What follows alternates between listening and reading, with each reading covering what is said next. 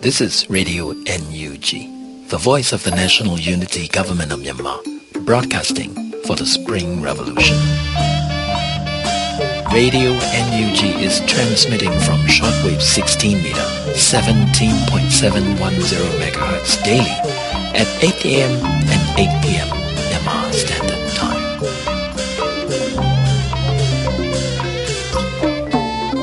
မင်္ဂလာပါခင်ဗျာအမျိုးသားညီညွတ်ရေးအစိုးရရဲ့အသံလွှင့်ဌာနကမြန်မာစံတော်ချိန်မနေ့၈နာရီတစ်ချိန်ည၈နာရီတစ်ချိန်လိုင်းလိုမီတာ16 19.8 MHz မှာနေ့စဉ်အသံလွှင့်ပေးနေပါပြီမြန်မာနိုင်ငံသူနိုင်ငံသားများမင်္ဂလာအပေါင်းနဲ့ပြည့်စုံကြပါစေခုချိန်ကစပြီး Radio NUG အစီအစဉ်လေးကိုဓာတ်ရိုက်အသံလွှင့်ပေးနေပါပြီ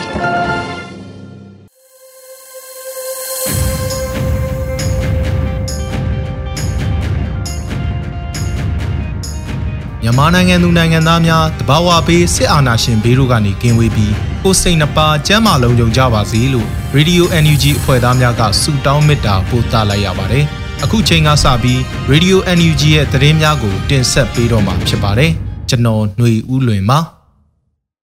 အခုပထမဆုံးအနေနဲ့လူသားချင်းစာနာထောက်ထားရေးနဲ့ဘေးအန္တရာယ်ဆိုင်ရာစီမံခန့်ခွဲရေးဝန်ကြီးဌာနကပဋိပက္ခအတွင်းပြည်သူတွေဘေးအန္တရာယ်အတွက်ကြိုတင်ပြင်ဆင်ရန်အချက်များအပိုင်းနှစ်ကိုဆက်လက်ထုတ်ပြန်ခဲ့တဲ့သတင်းကိုတင်ဆက်ပေးကြပါမယ်။လက်နက်ငယ်နဲ့ပြစ်ခတ်ခံရနိုင်တဲ့ဒေသတွေကအယက်သားပြည်သူတွေသတိပြုရမယ့်အချက်တွေပါရှိတဲ့ပဋိပက္ခတွေအတွင်းဘေးအန္တရာယ်အတွက်ပြည်သူတွေကြိုတင်ပြင်ဆင်ဖို့အသိပေးချက်အပိုင်းနှစ်ကိုအမျိုးသားညီညွတ်ရေးအစိုးရ NUG ကဩဂုတ်လ29ရက်နေ့ကထပ်မံထုတ်ပြန်လိုက်ပါတယ်။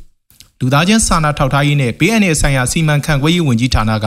ပရိပခတွေအတွင်းပြည်သူတွေဘေးအန္တရာယ်အတွက်ကြိုတင်ပြင်ဆင်ဖို့အချက်တွေကိုအပိုင်းလိုက်အတိပေးထုတ်ပြန်နေတာဖြစ်ပါတယ်။ဒီအချိန်အတိပေးချက်မှာဖော်ပြထားတာတွေကလက်နက်ငယ်ပစ်ခတ်တဲ့နေရာတွေမှာကွန်ကရစ်နေအိမ်ဖြစ်ရင်နေအိမ်ရဲ့အတွင်းပိုင်းအကျဆုံးနဲ့အလုံးကျုံဆုံးအခန်းတစ်ခန်းသတ်မှတ်ထားဖို့မှန်ကာထားတဲ့အခန်းအပြင်ဘက်နဲ့ထိစပ်နေတဲ့အခန်းမျိုးကိုအသုံးမပြုဖို့အတိပေးထားပါတယ်။ ဖြစ်နိုင်ရင်အဲ့ဒီအခန်းမှာဆန်အိတ်တွေသဲအိတ်တွေဘီလက်မြေအိတ်တွေကိုအသုံးပြုပြီးပုံအောင်စရာနေရာဖန်တီးထားဖို့လည်းအကြံပြုထားပါတယ်။ပြစ်ခတ်တန်တွေအဆက်မပြတ်ကြားရရင်ခိုင်ခန့်တဲ့ကရင်စပွဲအောင်မှာအကာအကွယ်ယူပြီးပုံအောင်မှုပြစ်ခတ်တန်တွေရက်တန့်သွားတဲ့အထိငြိမ်သက်စွာပုံအောင်ခိုလုံမှုနဲ့မဖြစ်မနေနေရာရွှေ့ပြောင်းမှုလိုအပ်တယ်ဆိုရင်တွားသွားယူနေရာရွှေ့ဖို့ကိုခန္ဓာနဲ့ခေါင်းမော်ကိုပြုတ်ကျနိုင်တဲ့အရာတွေကိုတတိပြုရွှေ့ပြောင်းမှုအတိပေးချက်မှာရေးသားထားတာပါ။ပြစ်ခတ်တန်ကြားလို့အိမ်ပြင်ထွက်ကြည့်တာ ပတ်ဝန်းကျင်ကိုစူးစမ်းတာတွေမလုပ်ဘဲအိမ်ထဲမှာသာပုံအောင်နေထိုင်ဖို့လိုအပ်တယ်လို့ဆိုပါတယ်။ကိုယ့်ရဲ့အိမ်ဟာလုံခြုံမှုမရှိဘူးဆိုရင်အနည်းဆုံးမှရှိတဲ့ခိုင်ခန့်တဲ့အဆောက်အုံစီကိုတတိဝရိယရှိစွာအမြန်ဆုံးပြောင်းရွှေ့ဖို့နေအိမ်ကိုစွန့်ခွာရမယ်ဆိုရင်ဆောင်ရွက်ရမယ့်အချက်တွေကိုလည်းလိုက်နာရမယ်လို့ကိုယ့်အိမ်ကအဝင်ထွက်လမ်းကြောမှာတည်ရှိနေတယ်ဆိုရင်လုံခြုံရေးကိုပုံမူဂီးစိုက်ပြင်ဆင်ထားဖို့အတိပေးထားပါတယ်။ အမျိုးသားညီညွတ်ရေးအစိုးရအနေနဲ့နေ့စဉ်နဲ့အမျှတပ်ဖြတ်ခံနေရတဲ့ပြည်သူတွေရဲ့အသက်အိုးအိမ်စီစဉ်ကိုကာကွယ်စောင့်ရှောက်ဖို့မလွဲမသွေတိုက်ပွဲဝင်ရတော့မှာဖြစ်တယ်လို့ယာယီသမရဒူဝါလရှိလာကပြောကြားခဲ့ပြီးတဲ့နောက်ပိုင်းမှာအခုလိုပြည်သူတွေကြိုတင်ပြင်ဆင်ရမယ့်အချက်တွေကိုထုတ်ပြန်နေတာဖြစ်ပါတယ်။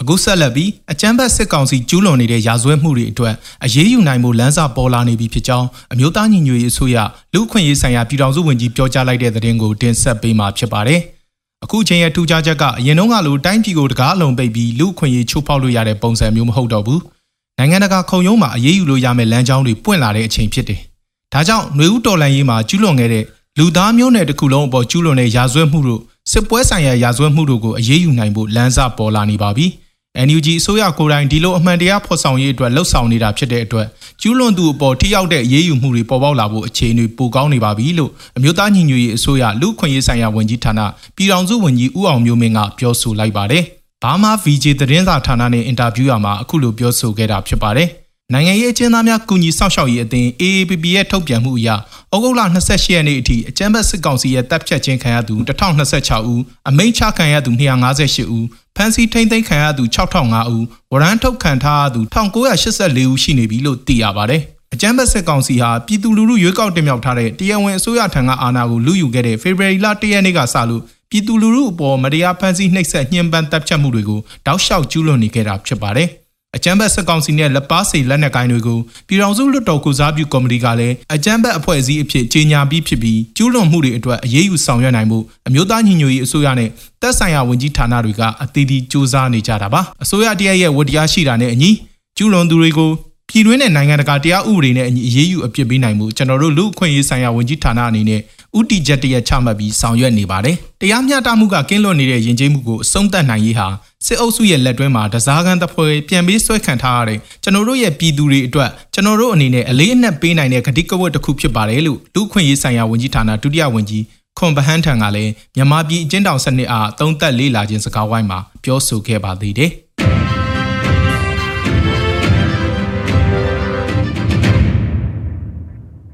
ဆက်လက်ပြီးဒီနေ့ကြာရောက်တဲ့အပြည်ပြည်ဆိုင်ရာအတင်းတမအစအနပျောက်ဆုံးစေမှုတန်ခံရသူများနေမှာနိုင်ငံရေးအကျဉ်းသားများကူညီစောင့်ရှောက်ရေးအသင်း AABB ကအစည်းအဝေးခန်းစာတစ်စောင်ထုတ်ပြန်ခဲ့တဲ့သတင်းကိုတင်ဆက်ပေးမှာဖြစ်ပါတယ်။ယနေ့ကြာရောက်တဲ့အပြည်ပြည်ဆိုင်ရာအတင်းအဓမ္မအစအနပျောက်ဆုံးစေမှုတန်ခံရသူများနေမှာ စစ်တပ်အာဏာသိမ်းခြင်းကလေးကမြန်မာပြည်သူလူထုတရက်လုံးကိုချိန်ချောက်လျက်ရှိတဲ့လူမဆန်တဲ့ကျူးလွန်မှုတွေထဲမှာပါဝင်လျက်ရှိတဲ့ပြည်သူများဟာအတင်းအဓမ္မအစအနပျောက်ဆုံးစေမှုတွေကိုနိုင်ငံတကာအတိုင်ဝန်းတွေနဲ့တတိမူပြီးအရေးယူမှုတွေပြုလုပ်နိုင်ကြရန်နိုင်ငံရေးအကျဉ်းသားများကူညီစောင့်ရှောက်ရေးအသင်းကတောင်းဆိုလိုက်တာပါအာဏာသိမ်းမှုစတင်ခဲ့တဲ့ဖေဖော်ဝါရီလကစလို့အတင်းအဓမ္မအစအနပျောက်ဆုံးစေမှုတွေဟာအခုအချိန်ထိဖြစ်ပေါ်နေဆဲဖြစ်ပြီး AAPP ရဲ့အချက်အလက်တွေအရစစ်တပ်ရဲ့မတရားဖမ်းဆီးချုပ်နှောင်ခြင်းခံထားရသူတွေတဲက82ရာခိုင်နှုန်းဟာဘယ်နေရာမှာထိမ့်သိမ်းခံထားရလဲဆိုတာကိုမသိရှိရဘူးလို့ဆိုပါတယ်။ AAPP ရဲ့အတွင်းရေးမှူးဦးတိတ်နိုင်ကမြန်မာနိုင်ငံစစ်အာဏာရှင်အဆက်ဆက်မှာဖမ်းဆီးထိန်းသိမ်းတာထောင်ပြောင်းတာတွေကိုကာယကံရှင်များရဲ့မိသားစုများကိုဘယ်တော့အခါမှအသိပေးခဲ့တာမရှိဘူး မိသားစုဝင်များဟာထောင်တွေရဲစခန်းတွေကိုတွားရောက်စုံစမ်းမေးမြန်းတာ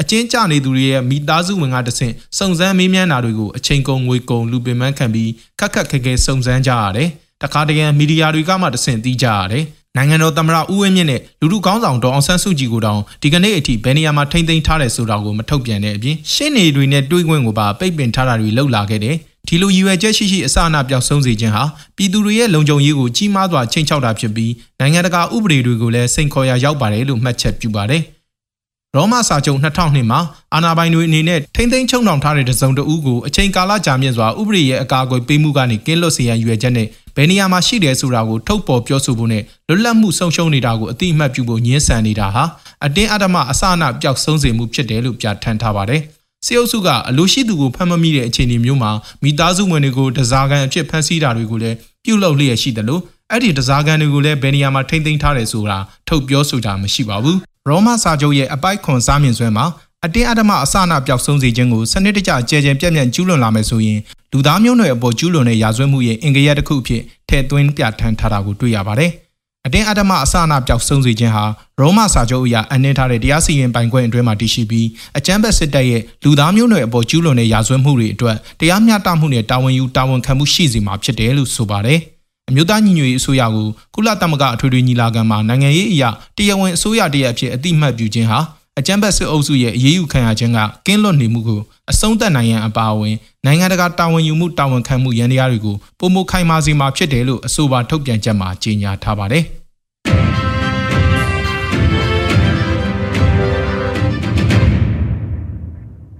အခုနောက်ဆုံးအနေနဲ့အမျိုးသားညီညွတ်ရေးအစိုးရစီမံကိန်းဗန်နာရေးနဲ့ယင်းနှိမ့်ညွံ့မှုဝန်ကြီးဌာနကဝန်ထမ်း62ဦးကိုအမည်ပြစင်းရင်တင်သွင်းပြီးဝန်ထမ်းအဖြစ်ကထုတ်ပယ်လိုက်တဲ့သတင်းကိုတင်ဆက်ပေးမှာဖြစ်ပါတယ်။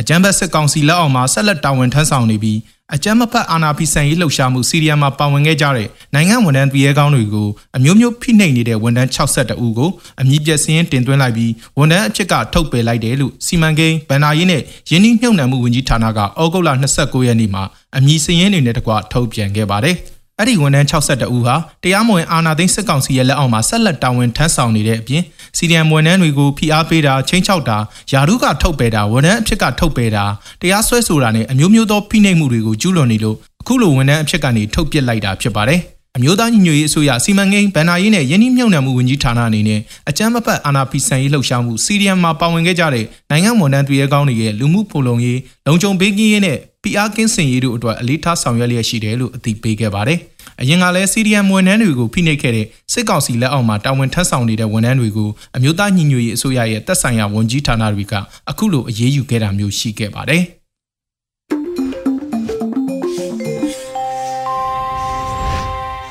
အမျိုးသားညီညွတ်ရေးအစိုးရလူသားချင်းစာနာထောက်ထားရေးနဲ့ဘေးအန္တရာယ်ဆိုင်ရာစီမံခန့်ခွဲရေးဝန်ကြီးဌာနကပဋိပက္ခတွေအတွင်းပြည်သူတွေဘေးအန္တရာယ်အတွက်ကြိုတင်ပြင်ဆင်ထားရမယ့်အချက်တွေကိုထုတ်ပြန်ခဲ့ပါတယ်။ပြည်သူတွေကြိုတင်ဆောင်ရွက်တဲ့အချက်တွေကတော့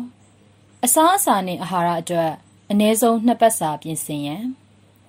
စံစီစာစက်တုံနဲ့အချောက်ချမ်းများစီတုပ်ဘူးများခောက်ဆွဲကြောက်မုံကြောက်များအရေးပေါ်ဆေးဝါးများ တောက်သုံးရည်ဓာတ်စားနဲ့ရေတန့်ဆေးများ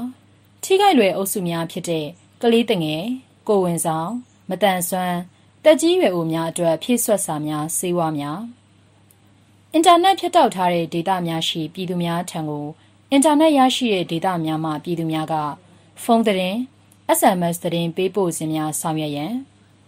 ဖုန်းဆက်သွယ်မှုမပြတ်တောက်စေရန်အတွက်ဖုန်းငွေဖြည့်သွင်းထားခြင်းအင်တာနက်ပြတ်တောက်ခဲ့ပါက ငွေထက်မှန်ဖြည့်သွင်းနိုင်ရန်အတွက်ငွေဖြည့်ကပ်များကြိုတင်ဝယ်ယူထားရန် CDMA ဖုန်းကင်ဆောင်သူများဖြစ်ပါကငွေကြိုတင်ဖြည့်သွင်းထားရန်နေရောင်ဖြင့်အားသွင်းနိုင်သည့်လက်နှိပ်ဓမီ LED မီးအိမ်များဘက်ထရီများစောင့်ထားရန်မိသွေးမိဖို့အသုံးပြုသူများအတွက်လိုအပ်သည့်လောင်စာ gas မိဖို့အသုံးပြုသူများအတွက် gas ဘူးများကြိုတင်ဖြည့်ဆည်းထားရန်တကိုးစားအရေးပေါ်အိတ်ပြင်ဆင်ထားရန် ဘေးရန်နေရာများနှင့်ပတ်သက်သည့်သတင်းကိုမပြတ်နားဆွင့်ထားရန်မိမိနေထိုင်ရာနေရာတွင်ကြားရောက်နိုင်သည့်ဘေးရန်နေရာများကိုမိသားစုဝင်များနှင့်ကြိုတင်ဆွေးနွေးထားပြီးအရေးပေါ်အခြေအနေတွင်တဦးချင်းစီကဆောင်ရွက်မိလုပ်ငန်းများကိုကြိုတင်သတ်မှတ်ပေးထားရန်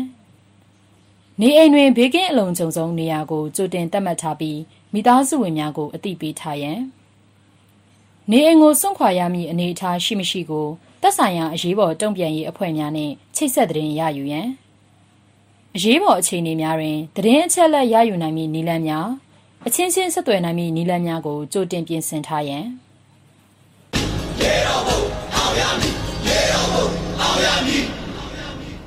မြန်မာနိုင်ငံသူနိုင်ငံသားများတဘာဝဘေးအန္တရာယ်နှင့်လူကြောင့်ဖြစ်တဲ့ဘေးအန္တရာယ်အသွေးသွဲကနေကင်းဝေးကြပါစေကြောင်းရေဒီယိုအန်ယူဂျီဖွဲ့သားများကနေမြစ်တာပို့တာလိုက်ပါတယ်။ အခုချိန်ကနေစတင်ပြီးရေဒီယိုအန်ယူဂျီမိုးလေဝသခံမှန်းချက်အစီအစဉ်များကိုကြီးညာပါတော့မယ်ရှင်။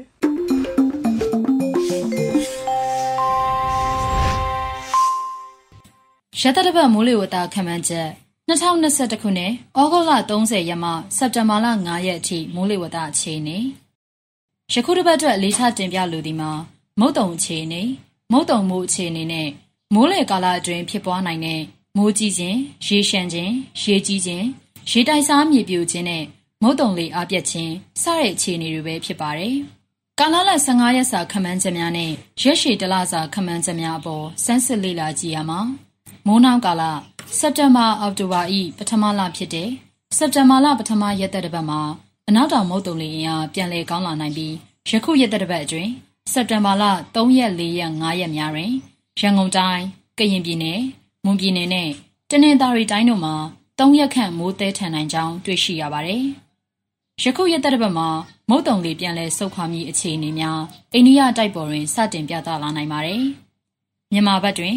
မုတ်တုံလေးမဆုတ်ခွာမီတကြော့ပြန်လဲအားကောင်းလာနိုင်ပြီးတပြီလုံး၌မိုးထက်ရနိုင်ပါတယ်။ AR မြေတန်လွင်မြေချင်းတွင်းမြေအောက်ပိုင်းဒေသများမှာ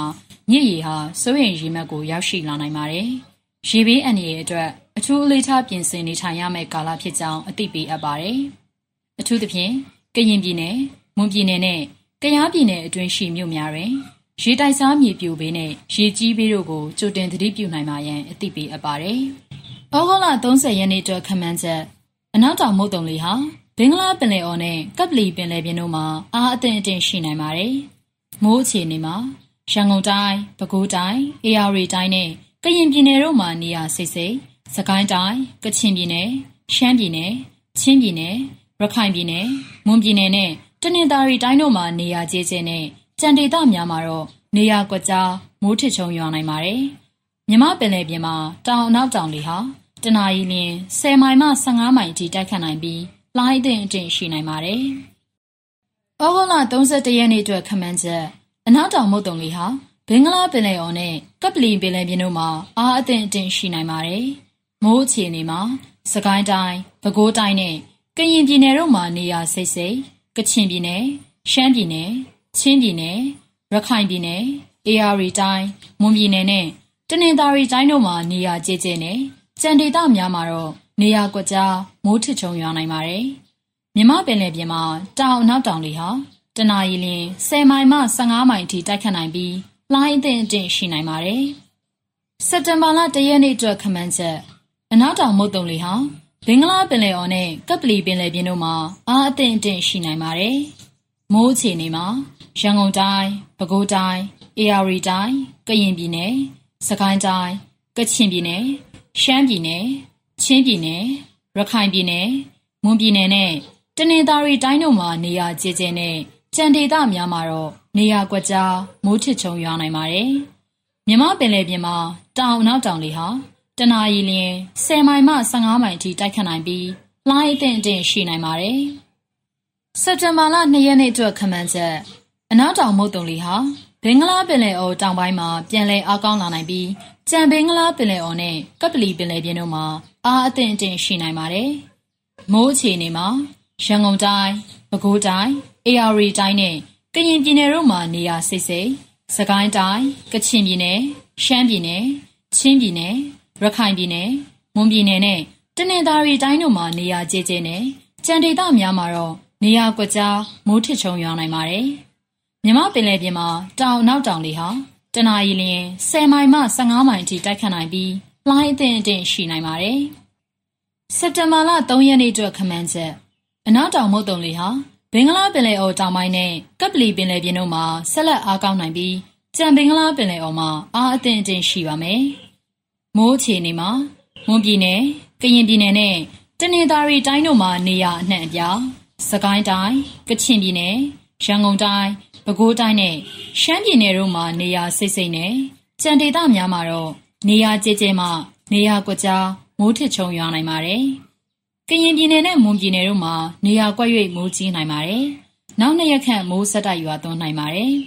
။မြမပင်လယ်ပြင်မှာအနောက်အနောက်တောင်လေဟာ တနအီလရင်15မိုင်မှမိုင်20အထိတိုက်ခတ်နိုင်ပြီးလှိုင်းအသင့်အကျဉ်းမှလှိုင်းကြီးနိုင်ပါတယ်။စက်တင်ဘာလ4ရက်နေ့အတွက်ခမန်းချက်အနောက်တောင်မုတ်တုံလေဟာဘင်္ဂလားပင်လယ်အော်တောင်ပိုင်းနဲ့ကပလီပင်လယ်ပြင်တို့မှာဆက်လက်အားကောင်းနိုင်ပြီးကြံဘင်္ဂလားပင်လယ်အော်မှာအားအသင့်အင့်ရှိပါမယ်။မိုးအခြေအနေမှာမွန်ပြည်နယ်၊ကရင်ပြည်နယ်နဲ့တနင်္သာရီတိုင်းတို့မှာနေရာအနှံ့အပြားစကိုင်းတိုင်း၊ကချင်ပြည်နယ်၊ရန်ကုန်တိုင်း၊ ပဲခူးတိုင်းနဲ့အေရရီတိုင်းတို့မှာနေရာစိတ်စိတ်နဲ့ကြံဒေသများမှာတော့နေရာကျကျမှနေရာကွက်ကြားမိုးထစ်ချုံရွာနိုင်ပါတယ်။ကရင်ပြည်နယ်နဲ့မွန်ပြည်နယ်တို့မှာနေရာကွက်၍မိုးကြီးနိုင်ပါတယ်။နောက်နှစ်ရက်ခန့်ဆက်ရွာနိုင်မှာသဖြင့်ရေဘေးအန္တရာယ်ကိုသတိပြုရန်လိုအပ်ပါတယ်။မြမပင်လယ်ပြင်မှာအနောက်အနောက်တောင်လေဟာတနအီလရင်15မိုင်မှ -30 အထိတိုက်ခတ်နိုင်ပြီးလှိုင်းအသင့်အင့်မှလှိုင်းကြီးနိုင်ပါတယ်။စက်တင်ဘာလ9ရက်နေ့အတွက်ခမန်းချက် အနောက်တောင်မုတ်တုံလေဟာဘင်္ဂလားပင်လယ်အော်တောင်ပိုင်းနဲ့ကပ်ပလီပင်လယ်ပြင်တို့မှာဆက်လက်အားကောင်းနိုင်ပြီးကြံဘင်္ဂလားပင်လယ်အော်မှာအားအသင့်အင့်ရှိပါမယ်။မိုးအခြေအနေမှာ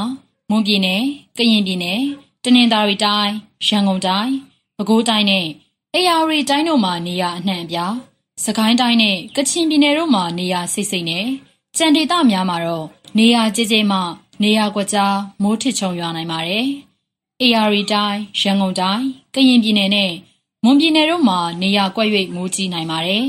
။မြမပင်လယ်ပြင်မှာအနောက်အနောက်တောင်လေဟာတနအီလရင်15မိုင်မှ -30 အထိတိုက်ခတ်နိုင်ပြီးလှိုင်းအသင့်အင့်မှလှိုင်းကြီးနိုင်ပါတယ်။ခွန်အားမြပေးစာစီစဉ်ကနေကြိုဆိုပါရစေ။ဒီချိန်ဒီကာလမှာကျွန်တော်တို့တွေအားလုံးကိုစီကိုစီစိတ်ပင်ပန်းလူပင်ပန်းဖြစ်နေကြတယ်ဆိုပေမဲ့ဒေါ်ရဲတောင်တွေရောက်နေသူတွေ အချင်းစကန်ရောက်နေသူတွေရဲ့ဆွလွန်မှုပင်ပန်းမှုတွေကကျွန်တော်တို့ထက်အဆပေါင်းများစွာပိုပါတယ်။ PDF တွေဟာကျွန်တော်တို့ဒေါ်လာရေးရဲ့အဓိကပင်မသွေးကြောဆိုရင်ဒေါ်လာရေးကိုကြာရနေရကနေပေါဝင်ပေးနေကြတဲ့သူတွေအားလုံးဟာလေဒေါ်လာရေးအောင်ပွဲရဲ့သွေးကြောမြင့်နေပါပဲ။ဒါကြောင့်ဒေါ်လာရေးတပ်သားတွေအချင်းကြခံနေရတဲ့တော်လိုင်းရဲဘော်တွေနဲ့ဓမ္မဘက်ကိုပူးပြောင်းတိုက်ပွဲဝင်နေတဲ့စီဒီအန်သမားတွေစီကို ခွန်အားမြပေးစာလက်ရည်မှုလေးတွေပေးပို့နိုင်ဖို့ဒီအစီအစဉ်လေးကိုစတင်ခဲ့တာဖြစ်ပါတယ်။အတွင်းအားတွေလက်ဝါးချင်းကပ်ပြီးစီကူကြသလိုမျိုးကျွန်တော်တို့တွေလည်းစကလုံးတွေစာသားတွေကတစဉ်အချင်းချင်းခွန်အားတွေစီကူမျှဝေကြရအောင်ပါ။ခွန်အားမြပေးစာတွေကို PVTV ရဲ့လူမှုကွန်ရက်စာမျက်နှာ www.facebook.com PVTV မြန်မာနဲ့ NUG Support Team ရဲ့လူမှုကွန်ရက်စာမျက်နှာ NUG Support ရဲ့ Messenger တွေကနေတစ်ဆင့်ပေးပို့နိုင်ပါတယ်။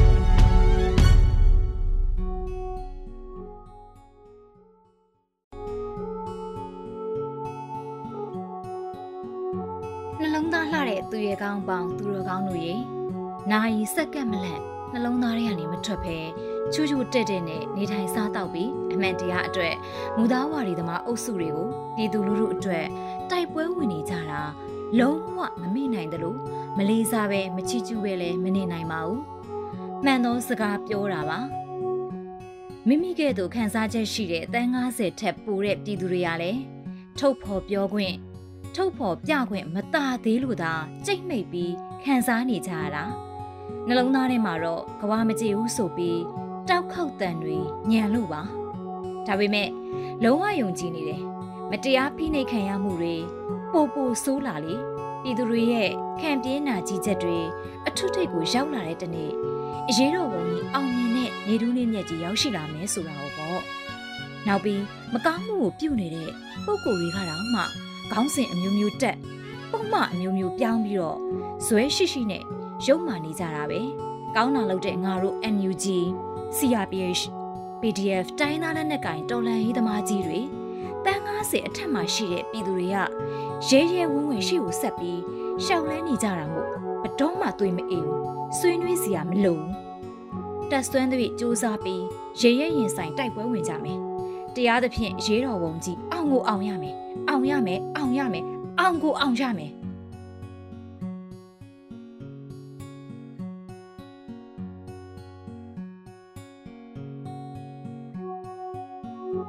တို့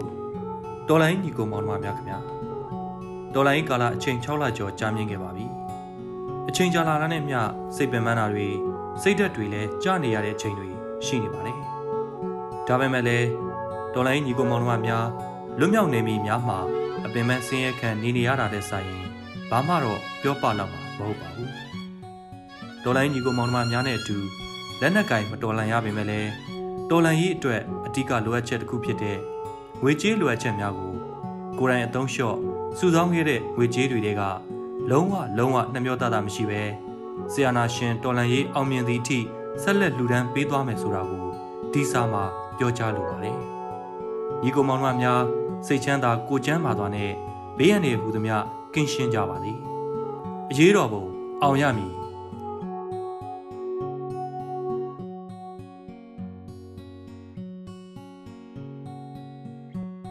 မင်္ဂလာပါမောင်လေးတို့ညီမလေးတို့ရေမင်္ဂလာမရှိတဲ့အချိန်ဖြစ်ပေမဲ့မောင်လေးတို့ညီမလေးတို့ကိုမင်္ဂလာရှိအောင်မကြီးမင်္ဂလာပါလို့နှုတ်ဆက်ပေးရစေဟိုးတော်လိုင်းရဲ့အစာကမကြီးတို့တတိုင်းတစ်ပြည်လုံးပြပအကူညီအာဒူပီကိုမျှော်ခဲ့ပေမဲ့ခုတော့မကြီးတို့ရဲ့ပြည်တွင်းဖြစ်အာဒူပီဖြစ်တဲ့မောင်လေးတို့ညီမလေးတို့ကိုပဲအားကိုးရတာပါမကြီးတို့အားလုံးပြည်တွင်းဖြစ်အာဒူပီလေးတွေကျမ်းမာရေးကြိုးစားကြပါနော် အမြဲကျမ်းမာဖို့လည်းမကြီးစတောင်းပေးနေပါတယ်။နှောင်ကြိုးတွေကြောင့်မောင်လေးတို့ညီမလေးတို့လိုရှေ့မထွက်နိုင်တာကိုလည်းအမြဲရှက်ရွံ့အားငယ်မိပါတယ်။ရှေ့မထွက်နိုင်ပေမဲ့မကြီးကြရနေရကနေမောင်လေးတို့ညီမလေးတို့ကိုကူညီနေပါတယ်။ကျေးဇူးပြုပြီးစိတ်တမကြလိုက်ပါနဲ့နော်။ကလေးတို့ကမကြီးတို့အတွက်ခွန်အားပါ။ကျမ်းမအောင်လဲနေပါနော်။ကလေးတို့အသက်ကတမိုးကြီးပါတယ်။ရှင်တန်မှတော်လနိုင်ပါပါ။ ကလေးတို့ရဲ့မိဘဆွေမျိုးတွေကိုလည်းမကြီးလလန်းမိသည်များကိုညီဆောက်ရှောက်ပေးနေပါတယ်။မဝေးတော့တဲ့အောင်ပွဲကာလမှာပြည်တော်ဝင်ချိန်အောင်တပြေနဲ့ကြိုနေပါမယ်။ရှင်တန်မှတော်လနိုင်မှာဖြစ်တဲ့အတွက်ကျူးဆိုင်ကြပါကလေးတို့ရဲ့ချစ်တဲ့မင်းတို့ရဲ့မကြီး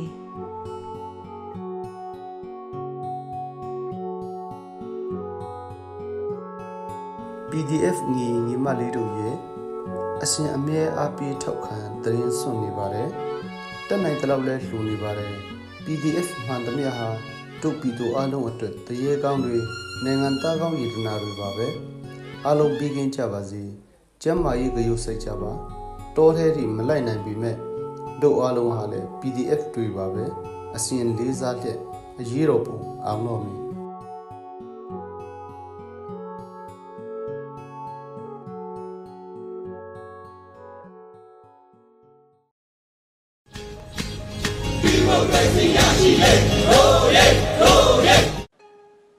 အဝတ်နှာခေါင်းစီ Fabric Max ကိုစနစ်တကျဝတ်ဆင်နေ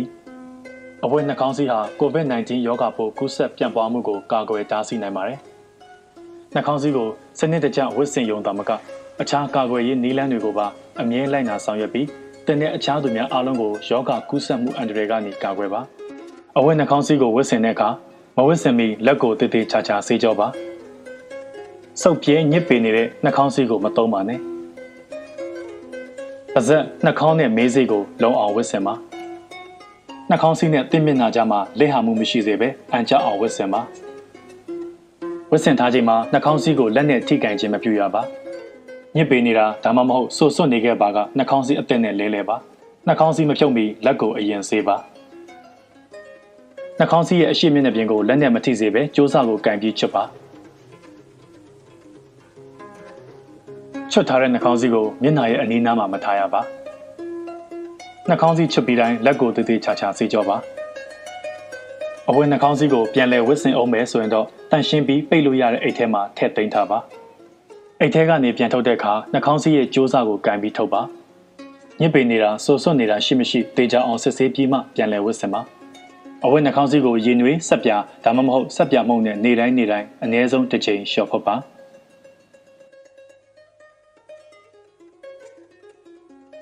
မိမိရဲ့နှာခေါင်းစည်းကိုအခြားသူများနဲ့မျှဝေပြီးမဝတ်ဆင်ရပါ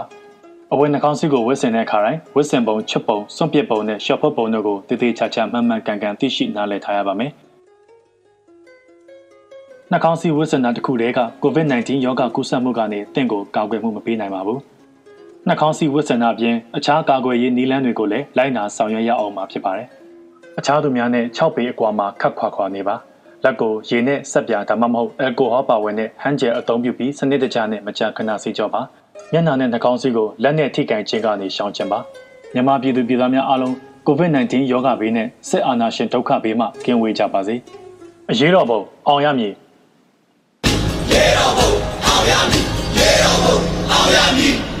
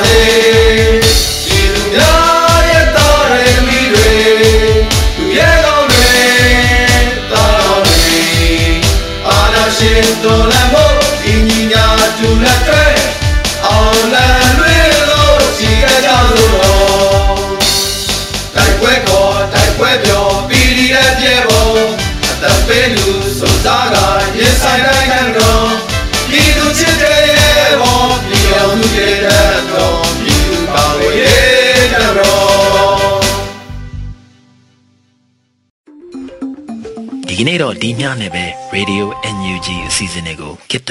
ရန်နာလိုက်ပါမယ်မြန်မာစံတော်ချိန်မနေ့၈နာရီညနေ၈နာရီတို့မှာပြန်လည်တွေ့ဆုံကြပါစို့လိုင်းဒိုမီတာ16 19တက်သမ9တက်ဆုံည MHz မှာဖမ်းယူနားဆင်နိုင်ပါတယ်မြန်မာနိုင်ငံသူနိုင်ငံသားများကိုစိတ်နှပြချမ်းမာချမ်းသာလို့ဘေးကင်းလုံခြုံကြပါစေလို့ Radio NUG အဖွဲ့သူအဖွဲ့သားများဆုတောင်းပေးလိုက်ပါတယ် အမျိုးသားညီညွတ်ရေးအစိုးရရဲ့ဆက်သွယ်ရေးသတင်းအချက်အလက်နဲ့ဤပညာဝန်ကြီးဌာနကထုတ်လွှင့်နေတဲ့ Radio NUG ဖြစ်ပါတယ်။ San Francisco Bay Area ခြေဆိုင်မြန်မာမိသားစုများနဲ့နိုင်ငံတကာကစေတနာရှင်များလုံအားပေးများရဲ့ Radio NUG ဖြစ်ပါတယ်။အရေးတော်ပုံအောင်ရမည်